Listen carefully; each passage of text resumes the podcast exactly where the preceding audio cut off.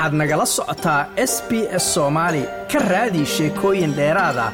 S b s com au xariijin soomaali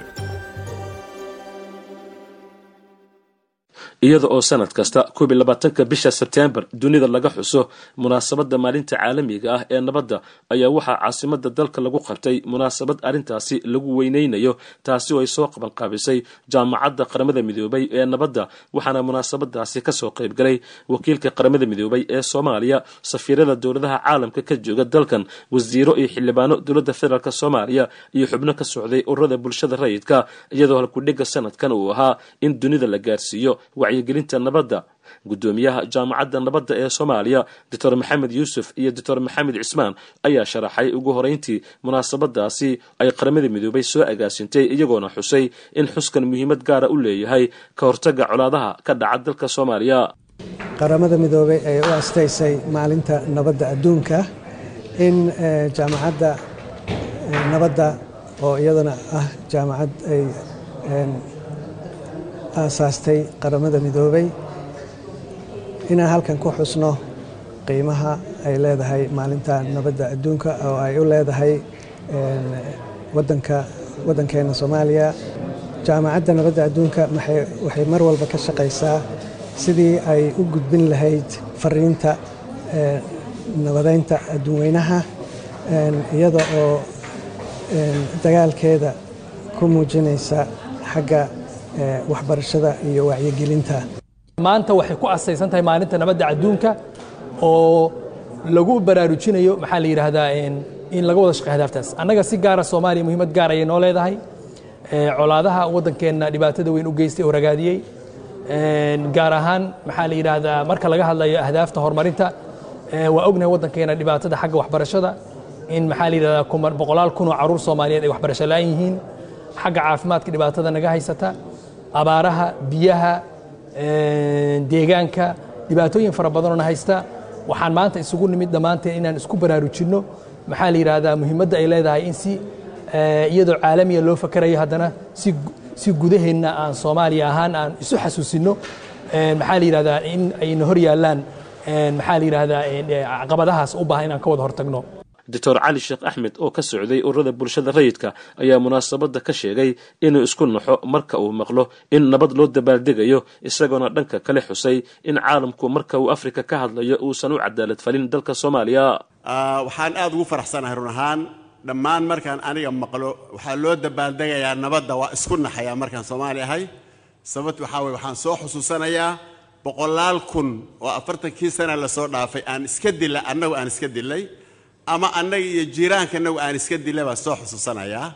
Saa daraaddeed ma dhah waa loo dabaaldegi laakiin waxay xusuus noo tahay beas day. Xusuus culus waxay noogu tahay inaan xusuusanno nabadda micnaha ay ku fadhido run ahaan aad iyo aad dowladaha safaaradaha ka furay iyo u n-ka hay'aadka ka tirsan oo dhammaan ku soo dhiiraday inay noo yimaadaan meeshanna waa u mahad celinayaa si aad iyo aad u weyn.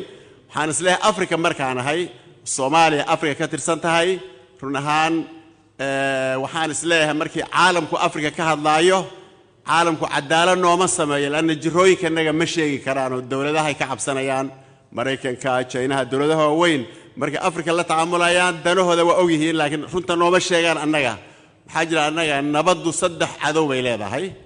Waxay leedahay saddex cadow bay leedahay waa jahliga iyo dulmiga iyo corruptionka. Saddexdaa cadow haddaan africa laga qabanin oon lagula talinin oon laga kaalmaynin nabad africa ma ka dhacayso. Wax alle waxa maanta isdilaaya waxay ku dhasheen dulmigay ku dhasheen waxay ku dhasheen jahliga waxba la barin waxay ku dhasheen cadaalad xumada iyo corruptionka jiray ku dhasheen. Saa daraaddeed waxaan u jeedaa magaaladan muqdisho iyo dalka soomaaliya toddoba boqoloo kun oo kilomitir ah oo labaatan milyan ka badan maanta ay ku nool yihiin meel ay waxaa jirta intaas oo milyan oon maanta iskuul aadin baan qabnaa marka nabad ma haysanno. Intaasoo carruurahoo jidad ku dhalaystaan nabad ma haysanno. Marka waxaan dhihi lahaa aan xusuusanna maalinta nabaddu qaybta ay ka tahay. Wasiir ku-xigeenka wasaaradda arrimaha dibadda xukuumadda federaalk soomaaliya isxaaq maxamuud mursal ayaa tilmaamay in xuska munaasabadda maalinta nabadda loogu talagalay wacyigelinta bulshada caalamka isagoona rajeeyey in munaasabadan tan xigta ee sanadka kale in soomaaliya ay guud ahaan nabad heli doonto fikirkeenna waxaan la qabaa wiilka yar sawirka soo sameeyey oo runtii lix jirka ah. Waxaa hadafkeenna ah soomaali oo nabdoon. Soomaali oo nabdoon si loo gaaro waxaan rabnaa inaan ka wada shaqayno xuskan xuskiisa in soomaali oo ka yar nabdoon mase wada nabdoon inaan ku kulanno. Maxaan ku gaari karnaa? Maanta oo kale xuska marka waxaa loogu talagelay laba arrin midda koowaad wacyigelinta in la gaarsiiyo adduunka intiisa kale adduunka iska wacyigeliyo nabadda. Tan labaadna in lagu heshiiyo mase la sameeyo wax action ah. Ugu dambayntii wasiirka wasaaradda warfaafinta xukuumadda federaalk soomaaliya daa'uud aweys jaamac oo goobta ka hadlay ayaa tilmaamay in nabaddu ay aasaas u tahay guud ahaanba aadanaha gaar ahaan soomaaliya oo colaado ay ragaadiyeen. Xuska maalinta caalamiga ee nabadda. Sidaad ogtihiin nabaddu waxay aasaas u tahay nolosha aadanaha ku nool caalamka oo dhan gaar ahaanna soomaaliya oo sanooyin badan oo soo martay colaado ah waxay nabaddu u leedahay muhiimad aad u ballaaran. Dowladda federaalk ee soomaaliya waxay muhiimad siinaysaa in soomaaliya amni noqoto in soomaaliya nabad kula noolaato dalalka deriska iyo caalamka. Intiisa kale sidaad la socotaan waddanka waxaa ka socda howlgallo dhinaca militariga ah oo dowladda federaalk hogaaminayso oo la doonayo in lagu ciribtiro khawaariijta amaba argagixisada nabadda u diida dadka soomaaliyeed taa micnaheedu waxay ka dhigan tahay in dowladda soomaaliyeed ay muhiimad siinayso nabadda loona baahan yahay in meel kastoo carqalad ay ka jirto ay dowladdu xal u hesho. Ugu dambayntiina la gaaro xal waara oo soomaalida oo dhan ay ku noolaato. Marka ay soomaaliya nabad buuxda hesho waxay ka dhigan tahay in aan horumarka dhinaceeda aan markaasi diiradda saari karno. Iskaashi inaan la yeelano dalalka deriska ah iskaashi inaan la yeelano caalamka intiisa kale isla markaana soomaaliya ay ku soo noqoto maqaamkeedii hore ee caalamka looga yaqaanay oo ahaa waddan nabadeed oo caalamka wax ku soo kordhiya. Ma doonaysaa sheekooyinkan oo kale? Ka dhegayso apple podcast google podcast spotify ama meel kasta oo aad bodkastigaaga ka hesho